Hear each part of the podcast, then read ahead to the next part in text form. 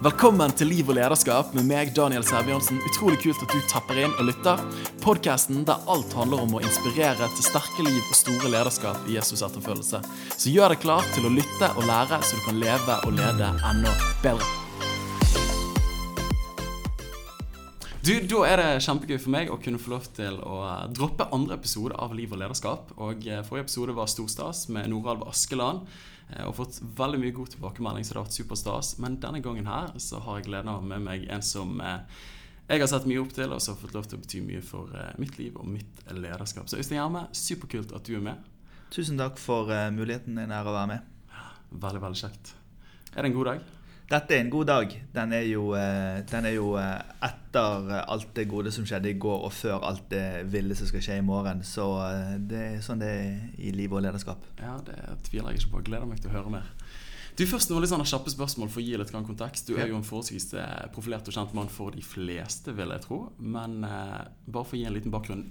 Hvor gammel eller hvor ung er du? Jeg er født i 75, så da er jeg 44 dette året. Jeg hadde aldri trodd at jeg skulle være så ung og frisk når jeg er så gammel. Nei, du ser bra ut. Du kler deg bra. Takk skal du ha. Det gjør du. Eh, og du er født og oppvokst eh, Her i Bergen. Jeg bodde i Åsane til jeg var 19. Oh yeah. Eh, og så eh,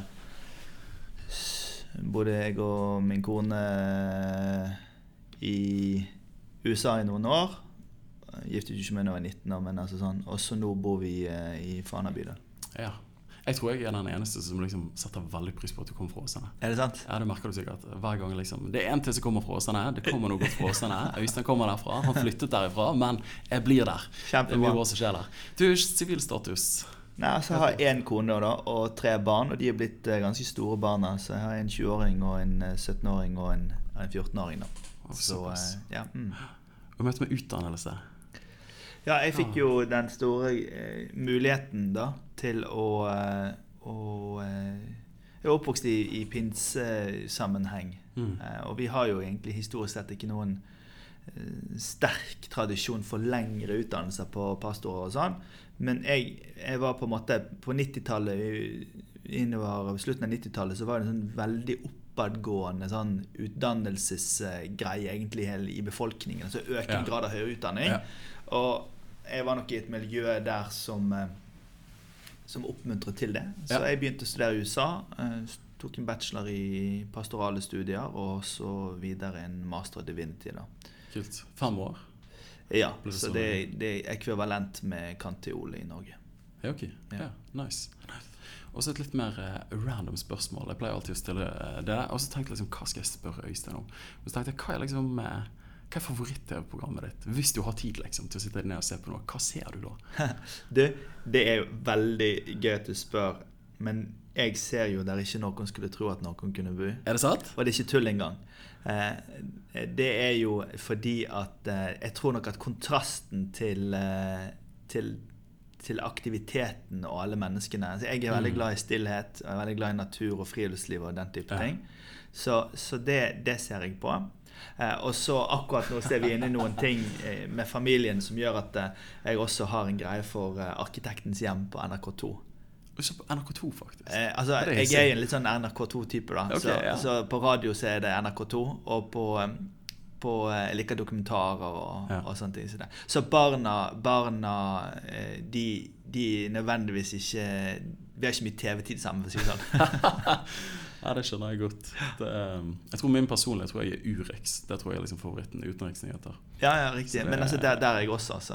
Ja. Urix er viktig, og debatten. Og det er ofte sånn når det har vært valg sånn, Jeg vil jo se alt, sånn. Ja. Og fruen hun har jo eh, Hun tåler det ikke, da. Så det er liksom sånn Ja, vi er blitt en sånn moderne familie som de få gangene vi er hjemme samtidig, Ja. og det er TV, så ser vi gjerne på hver våre ting. Og så får se. Med Bare fordi- paddy ja, ja. Ja. Og hvis jeg ikke får sove om natten, og jeg står opp sånn og må bare gjøre noe for å, for å roe hjernen, så, så ser jeg på naturprogram. Ja, det husker jeg, du sa en gang. jeg er ganske tydelig på det at eh, jeg er ganske tydelig på det at drama, det har jeg nok av i hverdagen. Så da stiller du ned pulsen i det du ser naturprogrammene. Ja, fantastisk. ja. vet. Det å sitte og se på en skilpadde eller en, en, en eller annen apekatt, det er helt rått. Det, ja, det er mind-blowing. Transcendent. Du, Nydelig. Du, eh, Intensjonen med denne podkasten er jo så klart å få lov til å dykke inn i liv og lederskap, og hver måned intervjuer ulike kristenledere. Og jeg synes Noe av det mest eh, spennende personlig er å kunne få lov til å lytte inn liksom, de formative årene. Hva er det som har vært viktig? Og Livene våre er jo på mange måter eh, egentlig bare en sum av små regnestykker før i livene våre. Eh, så dagen i dag er resultatet av dagen i går og dagene før der. Og eh, For en tid tilbake så hadde jeg gleden av å få lov til å være med deg eh, ut på biltur.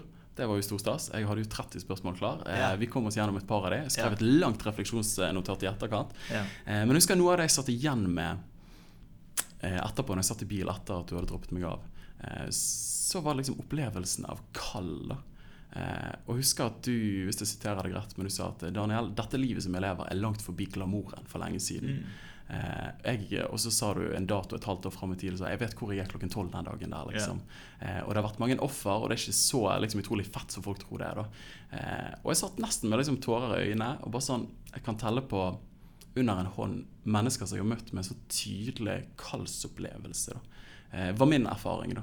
Så kan du ta og sette litt ord på din reise i møte med kall og eh, på en måte liksom viktige milepæler langs den reisen? For jeg tipper at du ikke var når du var 13 år, 14 år, der du er i dag. på en måte.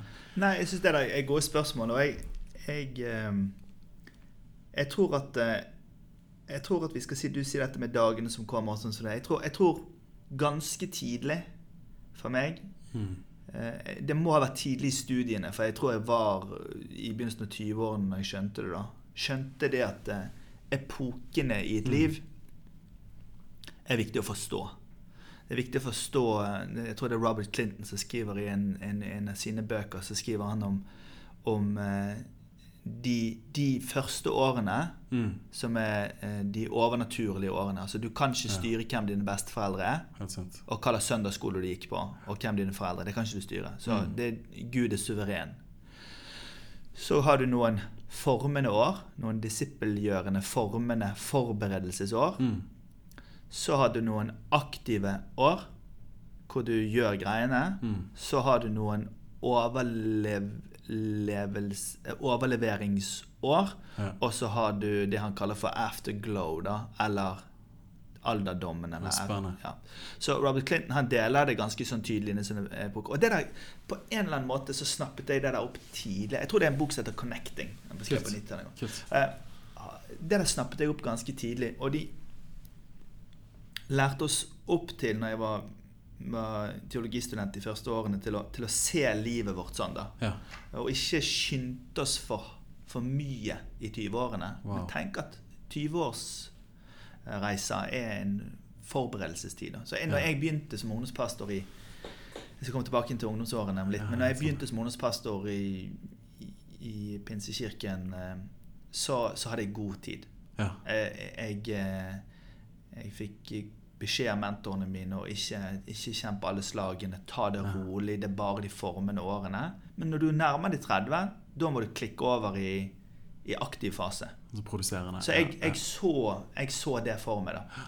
For meg så begynte eh, de, mine, mine sånne overnat, mine sånne overnaturlige år, eller supernatural eh, dimension eh, Besteforeldrene mine kristne, foreldrene mine tok oss med til kirken. Eh, bra ungdomsledere, juniorer, speiderledere. Alltid hatt gode voksenpersoner. Gode forutsetninger. Ja, som egentlig har eh, og, og hatt lite konflikt rundt meg. Så det Mm. var egentlig ganske, Jeg fikk brukt energien riktig retning. Mm. Og de var flinke å dra meg fram og gi meg muligheter. Og sånn da. Og jeg tror nok at, at eh, de lederne der eh, Det var nok en styrelse i det. Jeg tror Gud Ja. jobber sånn. Så bra. Med juniorlederen, søndagsskolelederen, konfirmantlederen. Altså alle de der. Når jeg går gjennom historien min, og det har jeg gjort Ja. noen ganger, sett på stemmene til alle de stemmene sant, ja. som hjalp til i en retning. da. Um, og da ble jo kallet tydeligere og tydeligere. Ja. Så var jo det det der at uh, hovedforstanderen i, i Pinsekirken, han uh, Osvald Instebø, som ikke var i direkte kontakt med meg alltid, han var jo, men han var jo sjefen, da, han sa at eh, kanskje du skal studere og, og, og, og jobbe med dette og finne ut av det. Det var nok muligheten for meg. Ja. Og det er klart at når du tar og gjør høyskoleårene dine og skaffer deg hundretusenvis i studielån og sånn, fordi du satser på at dette her er den Ja. veien jeg her, Det her vil jeg jobbe med. Mm. Da har du gjort et valg, da. Er helt sant, du har satset noe. Ja, satset noe. Så når jeg kom inn og jeg, Det gjorde utrolig mye for meg. altså. Jeg var så glad for den muligheten å få lov til å reflektere, lese, lære, få et vidsyn. Ja. Eh, lære alt jeg ikke kan. Du vet, Vi bruker å si det at verdensmesterne er de som er 18-19 og har gått et halvt ett år på studiet. De kan alt. Sant, sant, sant. Men etter en fire-fem-seks år så skjønner du hvor lite du kan. Og da har du også en annen tilnærming. da. Det er der jeg er nå, da, cirka. Nå begynner jeg å forstå alt jeg Ja. ja. Nei, men jeg tror ikke vi Ja, Så, men husker du sa ingenting er enklere enn å være en 17 år gammel karismatiker? Husker du en ja det, og, det, og, jeg, og vet du hva? Ingenting er enklere å være en, eh, en eh, 40, og 50 og 60 år gammel karismatiker med enkle svar heller. Ja. Det er krevende å, å eh, det, Livet og menneskene rundt oss og fortellingene deres Altså, vi kan ikke i et Mm. kunnskapssamfunn opptre som om enkle svar er det eneste. Nå er Mm. ikke det det denne samtalen handler om, men, Det er men det, er litt, eh, det er litt der, altså. ja. Det er utrolig spennende. Så når jeg ble 29, så, eh, så plantet vi salt. Ja. Eh, og, og det var viktig for meg. Og da var det aktive år, på en måte? Ja, da var det liksom Da tenkte jeg at nå for Det var en annen bok eh, som jeg hadde et forhold til på det tidspunktet. og sa eh, 20-årene handler om forberedelse. 30-årene handler om livsprosjekt periode 1. Eh, 40-årene handler om livsprosjekt periode 2. Ja. Hvis du mislykkes i periode 1, altså 30 til 40, Ja. så prøver du en gang til fra 40 til 50. For det går an å gjøre. Ja. Men hvis du lykkes fra 30 til 40, så kan du bygge opp på det du gjør fra 30 så til 40. Så spennende. og komme ut sterkere i når du er 50. da. Ja. Så jeg har tenkt livsplanlegging langs reisen og snakket åpen om det med mine nærmeste medarbeidere. Så kult. Ikke bare hva Øystein Gjerme gjør, men hvordan de lange linjene bygger de store tingene. Ja. ja, bra sagt. Hvordan de lange linjene bygger de store tingene. Mm. Quotable. Jeg tror Bare det at du sier det der, syns jeg på en måte gir det en litt sånn is. da For jeg, jeg tror noe av tilbøyelighet i hvert fall for en ung generasjon er at man stresser veldig i 20-årene. For man ser mange folk som lykkes, type deg, den generasjonen over, som, som står i store ting. Så tenker du jeg må være der i morgen. Ja, Og så man gønner på, og så blir man egentlig veldig sliten. da Også når jeg ser tilbake på mine år, så tenker jeg hvorfor hadde jeg det så travelt på en måte Mm. Når jeg var 21 år. Mm. Eh, så nå har jeg fortsatt noen år å chille litt på. Da. Men eh, vi får mange kids, så det blir travelt likevel. Er Det blir det. Eh, men lever du, altså, lever du når du står opp om morgenen, eller liksom gjennom dagen, lever du med en erfaring av at jeg er kalt på en måte? Jeg har en retning, jeg har et mandat, jeg har, for, jeg har fått en forvaltning som har blitt betrodd meg, for å bruke Paulus sine ord. da. At du lever med liksom Jeg sier nei til mye, for jeg har sagt ja til noe. Nei, jeg vet ikke om jeg Jeg vet ikke om jeg bevisst gjør det hver dag. Det gjør jeg nok ikke. Eh, Men jeg, jeg gleder jo meg i tjenesten. Ja. Og det tror jeg er viktig å si. Det er viktig å si at det å få lov til å være med på eh, å leve med mening, ja. og også arbeide med mening, sånn som man får lov til når man er kristen leder, Mm. det er fantastisk privilegium Så å gjøre. Så bra. Så er det perioder hvor, hvor man eh, i sitt eh, i det vanlige livet. For man, er jo, man har jo ikke bare rollen av å være kalt som Mm. pastor. Altså Jeg er jo i tillegg til det så er jo jeg ektemann. Mm. Jeg er far. Mm. Jeg er bror. Jeg er svoger. Jeg er sønn. Jeg er venn. Mm. Jeg er privat. Altså jeg har mange roller i livet mitt. da. Mm. Og det er også en sånn ting som jeg er veldig glad for at jeg lærte tidligere. Gode ledere som på, i, satte meg inn i at du må ikke, du må ikke bli så monoman rundt, rundt jobben du skal gjøre, Ja. at du får blindsonen rundt det å være et helt menneske. ja. Veldig bra. Veldig For det er jo ingen problem å, ingen problem å være eh, verdens beste eh, idrettsutøver innenfor en gren hvis du Hvis alt rundt raser. Ja. Altså, og hvis man ser på superforfattere, eh, forfattere, super eh, superidrettsutøvere, eh, supermusikere og sånn, så er det veldig mange har et veldig monomant sånn, uh, innstilling til livet. Ja, Altså alt ja. annet ryker. Det er bare dette som gjelder. Vinner på ett område og taper på alle andre. Ja, og det går ikke det når du er kristen leder. Eh, Du, du, du Troverdigheten i det å være en kristen leder, i alle fall i et lite land som Norge, Sant. hvor, eh, hvor du treffer både dine venner og de som er skeptiske til deg på Kiwi, Ja. så er du nødt til å oppføre deg Du er nødt til å være helest mulig som menneske. da. Og jeg sitter ikke her og sier at jeg er det, men jeg er ganske bevisst på det. Ja. At, eh, at uh, alt inngår Mm. i det livet som he, he, heter å, å følge et kall. da. Ja. Og så skal jeg også sant. snakke sant om det at, at det å følge et kall, det er jo også å legge ned livet sitt. Ja, For det er jo offer. Ja, og jeg tror at det snakker vi lite om nå. Ja. Jeg syns at jeg hører det for lite på ungdomskonferanser og på konferanser og sånn. Jeg hører det for, det er for langt mellom det å fornekte seg selv og ta opp sitt kors. Det virker sarkaisk å bruke det språket, men det er et element med at Jesus er herre. Og det at når Jesus er herre, så gjør jeg visse valg. On. Og jeg må gjøre visse ting. sant? Ja. Så for eksempel Nå på mandag kom vi rett ut av konferansen, eh, og eh, Og eh, det er jo litt hasardiøst, sant, men eh, jeg går på, på penicillin for en greie. Og jeg måtte på et styremøte i Oslo. Ja. Og, og det der eh, og nå, nå kan jo jeg ringe og si jeg er både syk og det er rett etter konferansen, og det er 19 grader i Bergen og det er 13 i Oslo. Jeg reiser ikke. Det går an å gjøre det. Men jeg valgte for mange år siden at jeg velger å gjennomføre. Så jeg, jeg har en veldig høy terskel for å avlyse ting. Du står ved din forpliktelse. Ja, jeg har veldig Ja. høy terskel for å avlyse ting. Jeg er veldig eh, har som et ideal eh, å, eh, å være lett å jobbe med. Mm. Fordi at det å være leder er også å være en tillitsperson. Mm.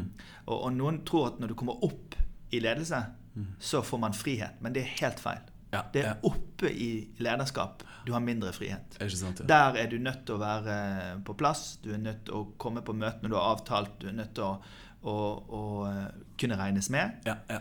Og det er ikke noe du bygger over en måned eller et år. Det er noe du bygger over 3-5-10-15 år. Så bygger du inn en, en vane, da. Ja. Og det har hjulpet meg veldig å bare ha, ha foretatt det valget av at jeg driver ikke og avlyser og ombooker og styrer og steller så veldig mye. Jeg må ha et seriøst forhold Mm. til eh, de forpliktelsene som jeg har. Mm. Det senker også konfliktnivået hjemme. Fordi, fordi at eh, vi driver ikke og forhandler hele tiden. Skal vi reise på det eller ikke det? eller skal vi gjøre Altså, få ned Når du har et travelt liv, så må du få ned mengden forhandling, og opp evnen til å planlegge godt. ja. For å finne inn Og er det perfekt på ingen som helst måte? Men, men det er noe vi jobber mye med. Wow, Ja. spennende. Du, dette her kommer jo bare gullperler på gullperler, og du svarer på mange spørsmål som jeg har tenkt å stille. Eh, en av de utfordringene som jeg eh, gjerne møter på, er når du bærer ulike hatter på hodet ditt, så det å skifte gir, hvis du skjønner hva jeg mener Si at det skjer mye i menigheten, du reiser og preker mye, det er moment, det er spennende, det er høy pace, og så kommer du hjem, og så er det på en måte tempoet et helt annet tempo. Hvordan på en måte snu om der, ligge av tankeprosessen og liksom være helt til stede, kvalitativt. Da. Hvordan, hvordan mestrer du det, i den grad du mestrer det? da? Ja, tenker du da hjemme i huset vårt, eller tenker du i kirken her? Eh, Nei, egentlig begge deler. Sant? Når du Ja. reiser rundt, så er du superstjerne. Idet du kommer hjem til lokalkirke, så er du, du er du pastoren. Jo, jo, Eh, men sant? superstjerne vet jeg nå ikke. Jeg, jeg tenker sånn som dette. Eh, Jeg har i hvert fall bestemt meg for at jeg er meg sjøl, Ja, uansett hvor jeg er. bra. Det må jeg. Eh, Og jeg har min måte å være gjestetaler på Ja. når jeg er ulike steder. Så det er jo bare å observere hvordan jeg forholder meg til de som er i salen, både før og etter. Eh, der har jeg mine idealer. Der får ingen bestemme over meg. Jeg er opptatt av folk. Jeg har lyst til å hilse på folk. Jeg har ikke lyst til bare å være med lederne. Mm, Jeg har lyst til å prate med barna og de unge og ta folk i hånden og huske de Så fra bra. sist gang. Og, Er du god på navn? Ja, god på navn. Jeg, jeg, jeg, bryr, jeg bryr meg om folk, og, Ja. og, og jeg, jeg husker sånn si, forrige uke var jeg i Sverige. Og jeg har jo båret med meg da en, en, en pastor der som var i en vanskelig familiesituasjon. Og jeg husker det, for jeg var og talte for dem i vinter. Og jeg husket den tingen. Ja, Så jeg spør hvordan går det med Og så fortalte jeg det jeg husket fra sist gang Ja. eh, om deres familie. Og vedkommende jo, blir jo overrasket over at jeg husket det. Men jeg tror at det, det tror jeg er en sånn gudegitt grei. Og det her sier jeg ikke for å framstå from, men for å vise at, eh, at det å være pastoral, da, Mm. det er å eh, det er å være i berøring. Ha det, den berøringen ved at man bryr seg om folk ja, veldig bra. Og huske Altså, jeg ønsker å være mer pastor enn leder. Fordi at jeg tror at kristent lederskap, det å være det å være omsorgsfull og til stede, være glad i folk og respektfull overfor mennesker. Veldig bra sagt. Ja. Veldig bra Eh, sagt. Så, så, så det der å skifte gir når man kommer hjem altså Jeg har ikke opplevd eh, noe markant forskjell på å være i menigheten her eller være med staben og på når. De tingene, det, det går greit. Men hatten min, Mm. gjerne sånn eh, Den hatten som jeg har som søndagspastoren, Ja. og den hatten som jeg har som arbeidslederen, ja. er kanskje forskjellig. Så alle møter en veldig sjarmerende og hyggelig type sånn på søndagen. Men når jeg er arbeidsleder med staben, så er jo i et annet gir. ja, da er du sjef. Ja, da er en annen hatt. Og fortsatt eh, så snill som jeg klarer, liksom. Men, eh, men eh, det er jo en annen tydelighet. Og så i et styrerom så er det en annen hatt igjen. Ja. Sånn at det er viktig å forstå at man har ulike hatter i Ja. ulike roller i kristent lederskap. ja. Det lærer man, det lærer man seg. Og så er det sånn da at hjemme blir det er kanskje det vanskeligste skillet. Ja, for store ting skjer på jobben, og så er det prosesser som går. Hvordan på å være helt til stede hjemme da? Ja, liksom? det var en av barna mine som sa til meg at eh, Vel, på jobben er du kaptein, og alle på dekk sier det, gjør det du sier. Eh, I wish, sier jeg til det barnet da. Men så sier han, men her hjemme er vi ikke på dekk. Vi er ungene dine. Sant? Sa han ene. Og helt rett i det. Så det, det, det er jo sånn som man vet. Ja. Men, men jeg tror at alle som er ledere på jobb Min kone også er leder på jobb. Vi, vi får en måte å Å forholde oss til driven i hverdagen. Mm. Og det jeg skal ikke stikke under en stol at det blir en utfordring Ja. med tenåringsbarn. At uh, selvfølgelig de skal ikke løpe rundt og gjøre alt det vi sier. Ja. Men vi får jo kanskje litt i overkant høye forventninger. Til både, responsen deres og måten de skal agere på. Sant? ja. Så de har jo vanlige foreldre, de. De har ikke kristne ledere som foreldre. Eh, Og det må jo en selv en sånn Ja, mann som jeg lærer seg. Ja. Nydelig. Du, vi tar, eh, Apropos girskifte, tar et lite girskifte. Og så snakker litt om lederskap. Nå eh, har du vært ungdomspastor i Pinsekirken Tabernakle i sin tid. Du startet Salt når du var 29 år gammel. Eh, påtroppende general i pinsebevegelsen. Det er jo stor stas. Vi skal ikke snakke for mye om det. Ja, Vi bruker ikke det ordet i, Nei, det- bevegelsen, da. Men ja, leder for lederrådet. Leder for Lederrådet. Eh, og så inn mot lederskap. Det er veldig mange filosofier, mange tilnærminger til det. Eh, du har nå sikkert i overkant av 20 år med ledererfaring bak deg. Eh, har det vært noen kjerneverdier som du har prøvd å navigere etter i ditt lederskap? Eh, eller praksiser som har vært viktig for deg? Her kan man snakke mye, men det har liksom vært noen sånne essensielle ting som du har prøvd å navigere etter opp gjennom årene? Ja, altså Jeg tror først og fremst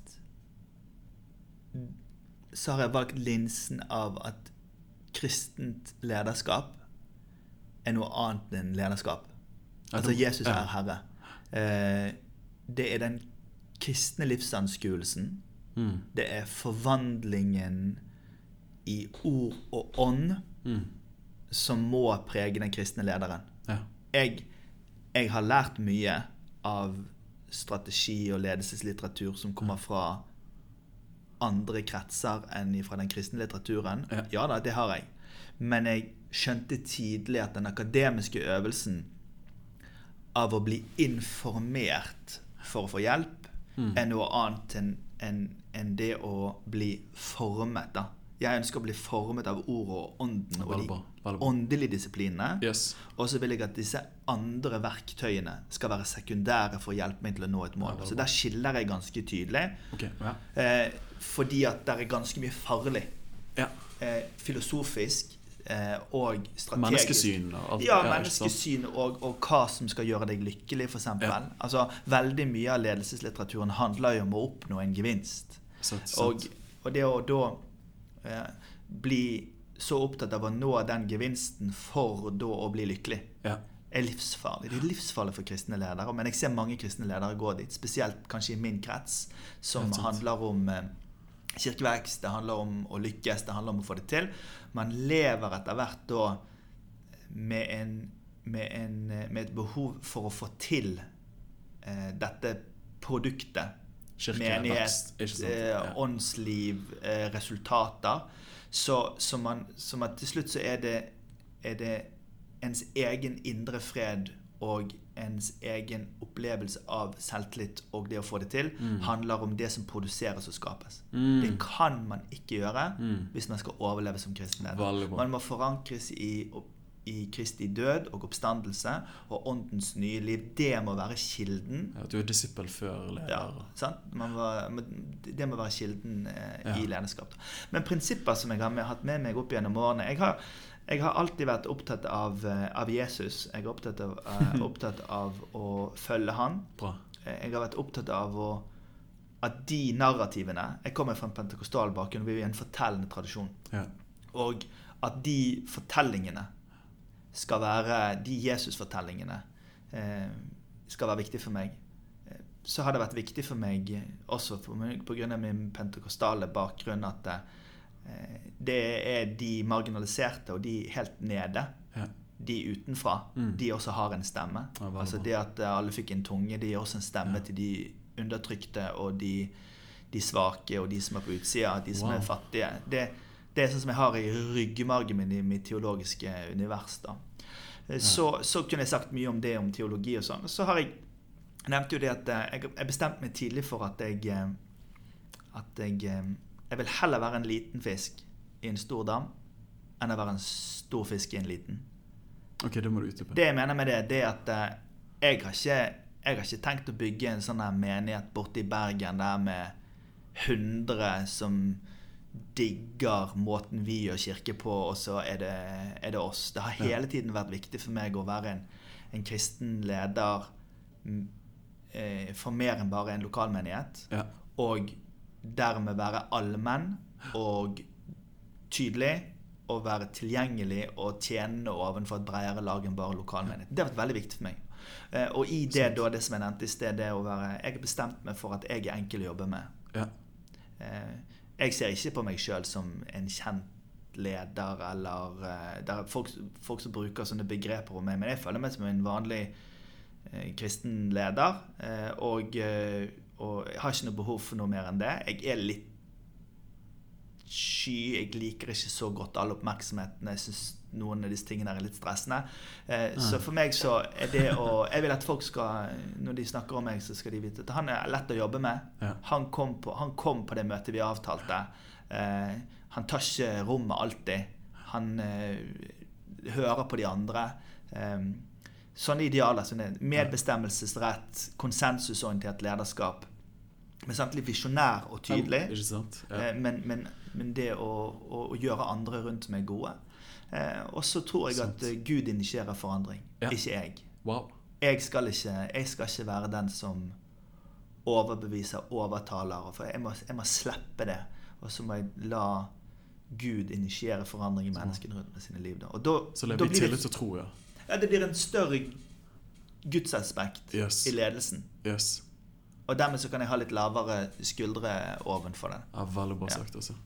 Du, her var det mye digg, altså. Jeg og bare el- elsker det perspektivet du først løfter opp med liksom, ok, det å være fundamentert i ordet, Mm. elsker Jesus. Og akkurat det du sitter ord på der, at det er så lett for at åndelige ledere fort egentlig bare blir organisasjonsledere. Mm, og slutter å være åndsledere. Ja. Når det er egentlig det vi er, og det at du heller være pastor mer enn leder, primært. da. Ja, ja.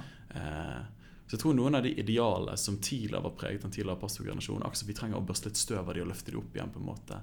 Det å kunne lytte til mennesker, det å kunne bry seg, det å sende meldinger, eh, det å være til stede, da. Mm. Um, Og, det, Så- og, det, og det, har jo, jeg, det har jo endret seg for, uh for meg opp igjennom i hvordan jeg kan gjøre det inn mot menigheten. Ja. Altså jeg husker første opplevd, når, jeg- når vi kom til 200 i Pinsekirken i sin tid, eh, så opplevde jo jeg at Den hellige ånd sa til meg 'slutt å lære alle navnene'. Jeg Ja. opplevde tiltale 'slutt å lære alle navnene'. Eh, For meg så var det litt spesielt. ja, Fordi at eh, jeg hadde så behov for å være alle sin. ikke sant? ja. Eh, Så jeg har måttet lære meg å slippe Ytre sirk... Ja, det å være den, den som er hands on på alt, Ja. det er en øvelse for meg fortsatt. Og det er mange relasjonelt sterkere folk rundt meg Ja, som, som sørger for at denne menigheten har et lim og, og en, en relasjonell varme med seg. da. ja. Ikke at jeg ikke har det, men vi er så utrolig mange nå som Mm. bærer det samme.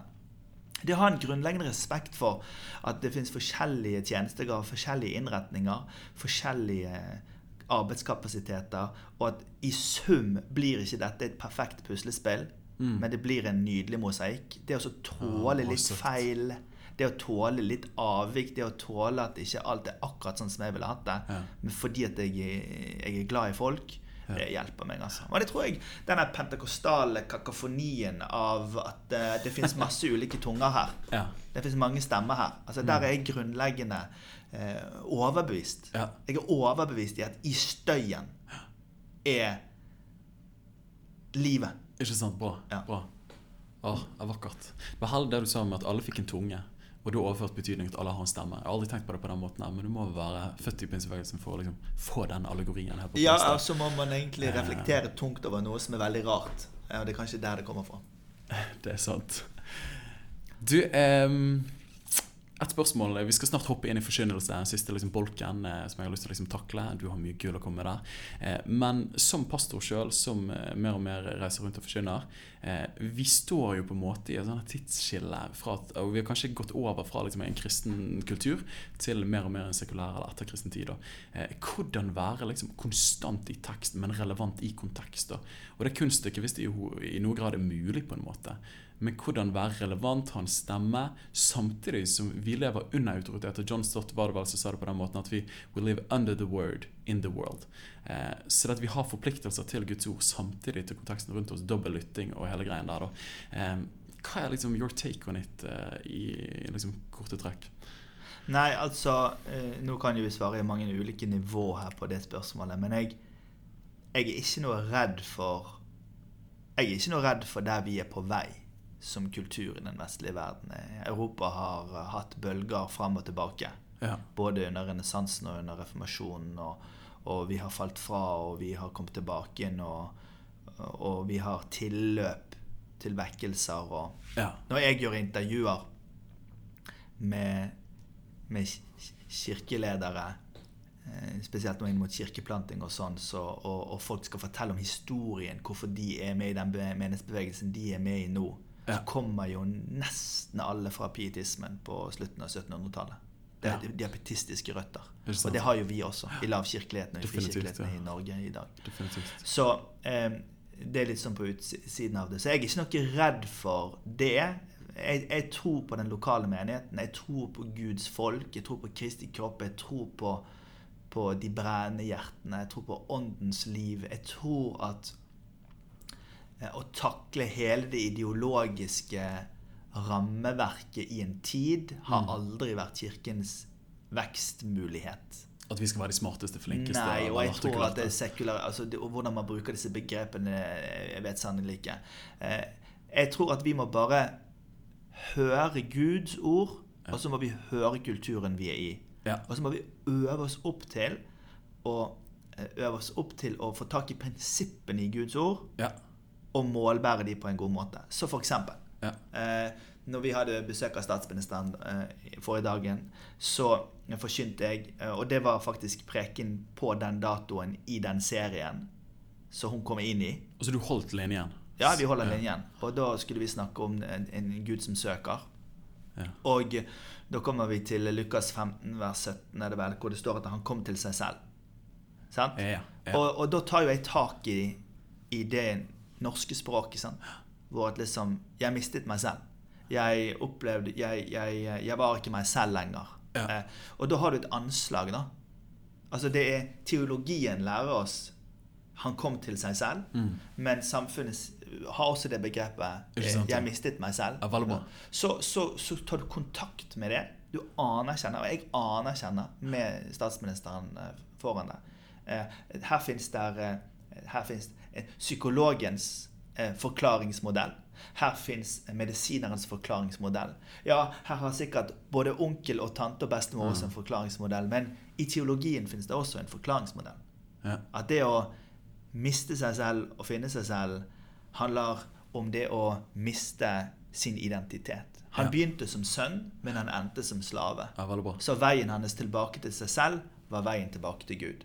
Og da har du en dobbeltlytting, men, du, men det er litt arbeid å komme helt fram. Ja, for der, Vi kristne ledere skipper ofte jobben der. Ja, jeg, og, jeg, og der syns jeg rett og slett at folk er for kjappe. Ja. Nå har jeg undervist forkynnelse på høyskolenivå og på bibelskolenivå i mange år, og, og jobber mye med folk rundt dette. Og jeg, jeg må helt si det at jeg, jeg tror at mye kunne blitt bedre hvis Ja. folk hadde brukt litt mer tid. Ja. Og ikke vært så forutinntatt i møte med teksten. Jeg opplever at spesielt i lavkirkeligheten og frikirkeligheten så er det en tendens til at folk er forutinntatt. Ja. Det var De tok et notat i Bibelen sin på det som skjedde på en ungdomsleir i Hemsedal i 89, og så blir det den måten å se den teksten på. Ja, og det å, men det å komme med en ny nysgjerrighet, da ja. Men da må du tvinge deg sjøl til arbeidet. Så for eksempel, vi har jo i årshjulet vårt alltid eh, en Jesus-serie. Vi Mm. kommer jo alltid dit. Vi har alltid en sånn, en, sånn, en frisk vinkel på hvem Jesus er. ja. Så her for et par år siden så, så sa jeg ok, men uh, dette året så skal Jesus-serien bare være for Markus evangelium. Altså da tvinger jeg alle pastorene og forkynnerne våre til å ta på seg Markus sine briller Ja. på det. For, for å tvinge folk til å ikke snu bunken. Ja, veldig bra. Mm. Veldig bra. Men òg, bare for å zoome litt ut igjen inn mot eh, det altså mer og mer sekulært samfunn det, Jeg syns ofte tilbøyeligheten er isolasjon. At vi går inn på bedehuset, tar foran gardinene og så koker vi kaffe. Eller så er det assimilasjon. At vi blir lik de da. Mm. Eh, men den radikale tredje veien, transformasjon, på en måte. At man, man applauderer, men konfronterer i tillegg, på en måte. da. Mm. Eh, bekrefter og avkrefter. Eh, hva tenker du der? Det å være lydig ofte blir byttet ut med å være likt, syns jeg av og til. Jo, men altså her tror jeg altså igjen sånn pentekostal, da. Eh, Pinsebevegelsen er 115-20 år gammel nå. Og noe av vår, vårt problem er jo at vi har gått i møte med populærkulturen. Mm. Altså vi har drevet misjonal kirkevekstarbeid Mm. i møte med popkulturen. Ja. Det er jo Overdriver vi det, så dummer vi oss ut. Ja.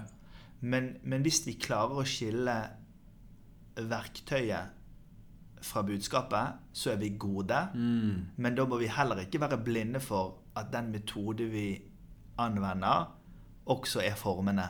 Ja, Altså, så det er masse, det er masse sånn faregreier uti der, men vi er tross alt det Ja. vi er. Så, så vi er ikke så redde for det der, egentlig. Nei. Og så har nok kanskje jeg og min gjeng en litt eh, akademisk Om ikke akademisk, iallfall Vi tar på alvor kunnskapssamfunnet. Ja. Vi er karismatiske mennesker i møte med kunnskapssamfunnet. Litt sånn uten at det betyr at vi er nødvendigvis snobbete eller fin på det, men Men, eh, men jeg insisterer Mm. på at Kirkens plass er midt på torget. ja, veldig bra. Så jeg gjør innbydelse til å tro på Jesus. Alltid. Ja. Også når statsministeren var her.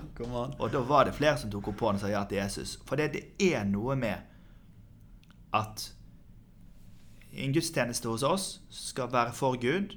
Det har vi bestemt oss for. Ja. Vi er ikke her som et eventbyrå eller et tilbud. Dette er Guds tjeneste. Ja. Han skal ha lovsang og tilbedelse og lydighet i Norge i denne generasjonen, så det er for Gud. Ja. Det er til inspirasjon og oppbyggelse for de troende. Det er teologiske ord. Inspirasjon yes, og oppbyggelse. Og de er for de troende, for det er det det NT sier. De Slik skal det yes. Men så er det en tredje setning hos oss, og det er at de skal være inspirerende. De skal være interessante og forståelige for våre venner. Yes. Og det er det misjonale aspektet. Ja. Så hvis du ser på saltkulturen, så ser du at de, de to første elementene i, den, i, i, i gudstjenestetenkningen vår Mm. Nå er det bare gudstjeneste snakk om. Så er de eklesiologiske. Men det tredje elementet er misiologisk. Det vil si at det at vi samles, er en inviterende og opplysende arena. Mm. Og fordi det er vår, eh, vårt paradigme og vår, vårt handlingsmønster, Mm. så, eh, så står det seg veldig godt. da. Ja. Og så har vi selvironi uten å latterliggjøre oss selv. Ja. Vi, vi forsøker å arbeide med hvordan er det vi blir hørt. Hvis en god forkynner spør spørsmålet hvordan, hvordan, eh, eh, hvordan hører eh, Hvordan hører de meg? sant? Mm. Eh, men, en, men en kjempegod forkynner spør hvordan er det jeg blir hørt. Eh, Og forskjellen på det, det er at liksom, en ting er at jeg kan kommunisere så det blir klart for deg. Men klarer jeg å sette meg inn i hva du sitter igjen med sant, av, ja.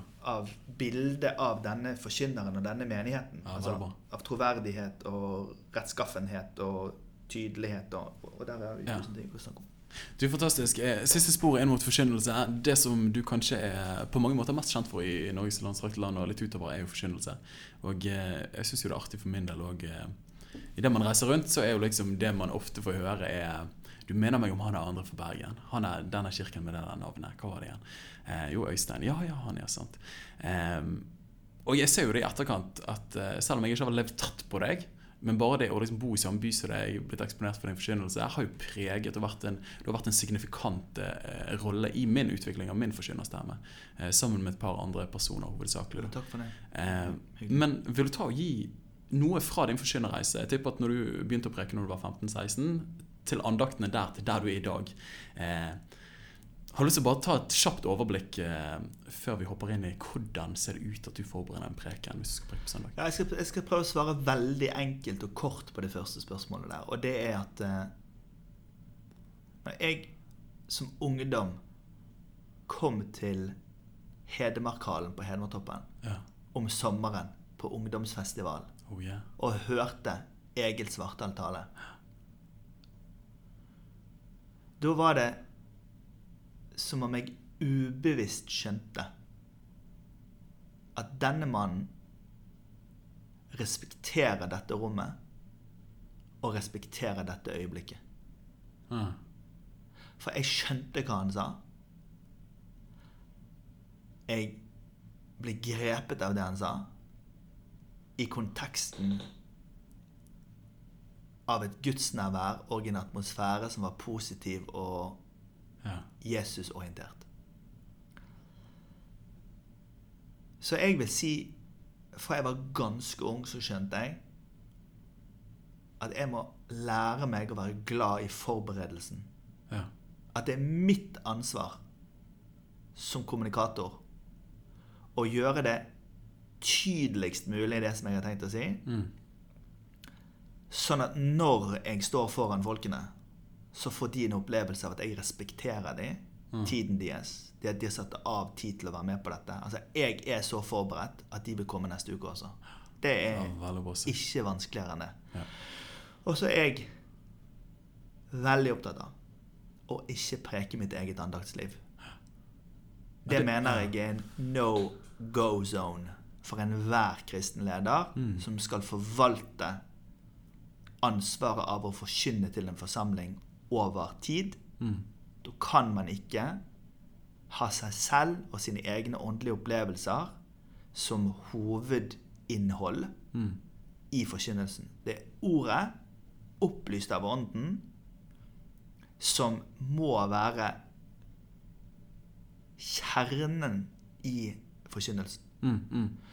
Og har man et stort ego, så må man faste fra og dø fra og legge ned Mm. behovet Mm. for å vise seg fram. Mm. Og har man det ikke, så må man slippe det til. Mm. Men forkynneren står ofte i veien for budskapet. Ja. Ja. Sånn tenker jeg. Det var ganske klart tale. Det, det var nice. Du sier at eh, du preker på en, eh, du preker på en søndag. Eh, du preker et budskap. Når begynner forberedelsen? Du har laget en prekenblad, så du vet hva du skal preke om. helt sikkert. Eh, men når begynner du å, måte, å notere stikkord, og hvordan ser det ut? Vil du bare ta oss gjennom på en måte en prekenforberedelse? Jeg vet det er mange unge lyttere som hører på det her, Ja. har deg som forbilde, har lyst til å lytte og lære hvordan kan jeg preke og forberede en god preken. Ja. Skal jeg igjen fortelle en, en historie. Når jeg, var, når jeg var student Jeg er jo vokst opp i en pentecostal kultur. Og en av, av de, de der sloganene som vi har, det er at liksom, du, må, du må få noe friskt fra Gud. Du kan ikke ha lest i en bok. Du, du må få det der og da. Du må, det fins mange sånne, sånne ting. Og det er litt sant, og så er det litt tøysete. Ja. For det er rett og slett ikke sant uh -huh. at det er sånn. Når jeg skulle eh, begynner å jobbe eh, her i, i Bergen som ungdomspastor Dattera mi skulle i barnehagen. Jeg, jeg, verken jeg eller hun kommer fra lederfamilier, så vi skulle finne ut av mange ting sjøl. Mm. Og jeg hadde blitt opplært under studiene mine til at du må ha en dag i uken som er langt nok vekke fra preketidspunktet til at du har god distanse mellom forberedelsen din og leveransen av preken. Den, den, den distansen må er viktig. Den distansen er faktisk gullet. Ja. Så jeg har alltid forberedt talene mine på en onsdag. Ja. Eh, og så eh, forkynner jeg da på en fredag eller en, eh, en søndag. Så eh, nå Det blir litt komplisert å si hvordan vi gjør det i Salt nå, da, for nå er vi mange som skal Ikke sant? Ja. sant? Ja. Men, men det er alltid slik at jeg vet, ti, jeg vet hva jeg skal gjøre om ti uker. Ja. Alltid. Før om årene så hadde jeg en klar plan for hver høsten og våren, som jeg brukte ganske mange dager på å skrive ut lenge på forhånd. Mm. Nå er jeg nede på at jeg vet hva jeg skal gjøre per kvartal, ja. og så har jeg en idé om hva jeg skal gjøre neste halvår. Og Da eh, snakker du om prekene dine, eller prekenplan? Nei, da snakker jeg om hva vi da snakker om prekeplan. Ja. Så for eksempel i dag, da, Mm. bare for at det skal være, ta det inn til relevansen her. I dag har vi et forkynnermøte klokken halv tre om den neste serien som heter Leve. En serie om relasjoner. ja, kult. Eh, Den eh, prekeplanen min, altså risset til de seks søndagene, jobbet vi med Jobbet jeg ut i slutten av august. Ja. Og da har jeg skrevet opp en oppsummering og bibeltekster På de ulike søndagene. på de ulike søndagene i den seksukersperioden. Mm. Og skrevet ned noen ideer om hvordan vi kan få inn noen kreative ting i resten av gudstjenesten. Mm. For å, at hele gudstjenesten skal ha det samme budskapet. Ja. Den prekeplanen har forkynnerne sett på, og det vi kaller for et big idea-møte. Ja, det er grafikerne våre, musikerne våre, søndagsskolen, alle. Altså de som trengs å være med i en kreativ prosess, de som skal vite hvor vi skal, Ja. de har sett på det tidligere. Ja. Så, så for meg så er det sånn som dette. Jeg, har, jeg vet hva jeg skal preke om. Nå skal jeg ha en serie med relasjoner i seks uker. Mm. Det gjør jo at jeg da underbevisst bevisst og bevisst må finne fram de bøkene om relasjoner som jeg har lyst til å oppdatere meg på. Eh, Jeg leter jo hele tiden da etter Mm. avisartikler, et klipp på TV, en ting som skjedde på YouTube. ikke sant? Ja. Bare prøver å ha et, et, et yes. blikk på hva kan jeg bruke dette til. Yes. Og forhåpentligvis har de andre det også. Ja. De som er rundt meg. Så summen av det blir en høyere kvalitet. da. Ja. Så, em, så det er sånn det fungerer. da. Så når jeg legger meg på tirsdagen Ja. på kvelden, så må jeg vite hva jeg skal begynne å jobbe med om morgenen på onsdagen. For du må ha en prekenidé som på en måte er artikulert. Ja, og den ligger gjerne der fra tre måneder siden jeg har jobbet med den, eller to måneder siden jeg har jobbet med den. Sant? Ja. Men noen ganger så jeg kjenner jeg jo noe helt annet. Men som oftest så altså, Alltid lander jeg inn under hovedtemaet jeg har sagt til hele staben og gjengen. Men jeg kan vri på bibelvers og fortellingen. Jeg Ja. kan gå fra å ha en tematisk til en mer bibelutleggende preken. Jeg kan gå fra en fortellende preken til en mer sånn punktpreken. Altså Jeg kan Ja. vri på det, da. Ja. Eh, Og det har vi laget en ganske god kultur på her. Det er ingen som holder imot forkynneren at han endrer. Fordi vi er 100% forberedt og 100% åpen. ja. Og det er nydelig sagt det siste der. 100% forberedt og 100% åpen. Men på slutten, når du har formulert preken, sånn som det fungerer for meg Jeg, må, jeg pleier å snakke den høyt, på en måte. Lære meg strukturen, og så snakker jeg den høyt. Og så må jeg eie fokus og funksjon for forkynnelsen. Pleier du å si den høyt for deg sjøl, for å høre den og liksom få det inn? Deler av den? Ja, det er jo, For meg så er det der en måte å dø fra meg sjøl på også. Jeg Ja. innrømmer at jeg er en talker. Sant? Jeg innrømmer at jeg eh, Hjernen min fungerer ved assosiasjon og er veldig imaginær. Mm. Det gjør at jeg har noen handikap Mm. inni hodet mitt som gjør at hvis ikke jeg legger ned min svakhet og rydder opp i mitt eget rot, Mm. så blir det dårligere for de som skal ta imot. Mm. Så for meg så er det en sånn Jeg går gjennom lidelsen av å strippe ned alle ordene mine og utydeligheten min, og ta opp korset av klarhet og tydelighet, for så å formidle det på en slik måte at det treffer best mulig. Ja. Så det, det handler ikke om forfengelighet å gå gjennom ting. Jeg snakket med han Lennox, han matematikeren, professor i, eh, på Oxford, er det vel han er, apologet. Ja, Apologet, ja. Eh, han, han sa det eh, at eh, det han gjør, er at han, han de, de vanskeligste konseptene i foredragene ja. før han skal holde et foredrag, snakker han gjennom til de blir klare. Og det er også en annen måte å gjøre det på. For hvis jeg hadde veldig travelt, jeg skal tale på en konferanse, eller sånn, så vet jeg at jeg har noen steder i manuset mitt hvor jeg bare Her roter jeg det til for meg sjøl. Nå, nå vet jeg ikke hva jeg snakker om. Ja. Da må jeg da må jeg bare snakke ut den setningen, Ja. eller ta tak i en som jobber i kantinen på et eller annet hotell og si Du, kan jeg få lov til å si disse setningene til deg? Skjønte du hva jeg sa? Og så Altså, jeg, har sånn for deg enorm respekt, ja, men jeg har sånn enorm respekt for det rommet jeg skal snakke til. Ja. Det er jo ikke meg det handler om, det er jo de.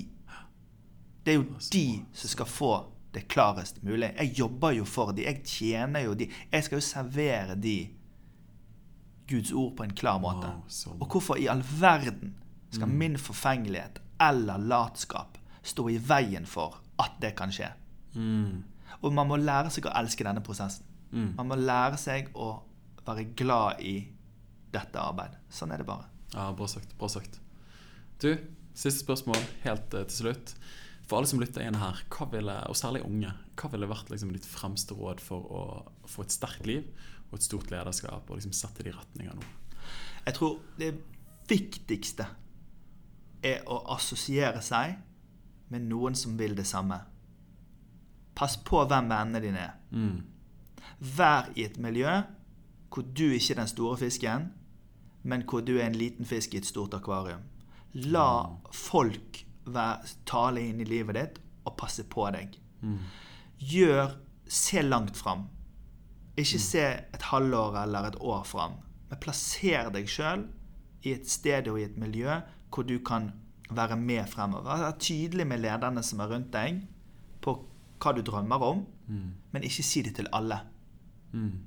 La noen få vite hva ditt hjerte brenner for, men ikke si alt. Ja. For det, det blir så fort spist opp av kritikerne og sånn som det. ja, bra sagt. Eh, og så eh, vær seriøs. Mm. Og takle Takle de gangene du får melkesyre i viljen og, og mister motet. Og vit at det er der ute, på livsreisen, så er det tvilsperioder. Mm. Det er motløshetsperioder. Det er perioder hvor folk vil være slemme med deg. Der du vil oppleve sykdom og tilbakeslag, skuffelser. Ja. Eh, og sånn er det å leve. Ikke ha en utopisk tanke om at kristent lederskap er en, en sånn enkel reise, eller det, det er en feel good-affære. Det er det ikke. Les Paulus. Les om kristenledere.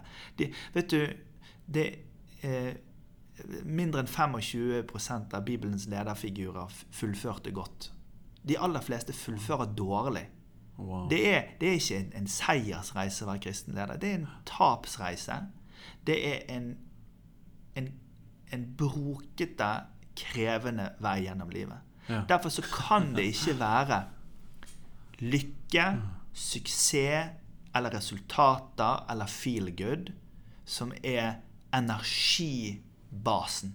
Ja. Energibasen må være Kristus, død og oppstanden, og åndens nye liv. Ja. Det må være ressursbasen. Da går det an å ha det godt med seg selv, Ja. og ha det godt med de som er rundt en, og holde på med dette greiene her gjennom livet. Og jeg sitter i denne podkasten her altså jeg, jeg er på et, et, eh, et kjempebra sted. Ja. For min identitet er ikke at jeg er kristenleder. Min identitet er at jeg, eh, jeg eh, har sagt ja til et kall. Så jobber jeg i en menighet hvor jeg har medarbeidere og en menighet som ber for meg, og vi bryr oss om hverandre. Jeg har en familiekjerne som er basen for mitt sivile liv. Jeg har foreldre, svigerforeldre og, og, og folk som omgir meg i, i det sivile, som er utrolig viktig ja. i alt dette. Så bra. Og at the end of the day så er det også det livet vi får her på jorda. Ja. Eh, Og det er viktig å ha med disse aspektene også. Så ikke alt blir bare dette. Det er hele pakka. Fantastisk. Tusen takk. Det er siste ordet. Og eh, Jeg skal ikke prøve å summere opp det her. Det var bare så bra. Lytt gjennom hele podkasten. Og eh, hvis du har lyst til å følge med på mer av det Øystein gjør, så er du vel på sosiale medier. Og eh, podkasten deres er Ja, det, det jo er bare snadder. å, ja, takk for det. Det er bare å følge oss på sosiale medier. og jeg er, jeg er så forlegen med å legge ut så mye greier, så jeg tør ikke gjøre det. Og så er det så mye flyskam. og Jeg er ute og flyr tre dager denne uken her, og jeg tør ikke legge ut et bilde fra en flyplass. Dere får ikke vite alt jeg gjør, men, men jeg står i hvert fall på og gjør de riktige tingene. Fantastisk. Den er god. Takk for at du lyttet inn til Liv og lederskap, og håper at du ble inspirert til å leve sterkere og lede større i Jesus etterfølgelse. Hvis denne episoden ga deg noe, del den veldig gjerne videre til en venn eller to, sånn at de kan bli inspirert. Og husk det at ditt liv, ditt lederskap, betyr en forskjell, så ikke len deg tilbake, men len deg framover. Vi trenger deg.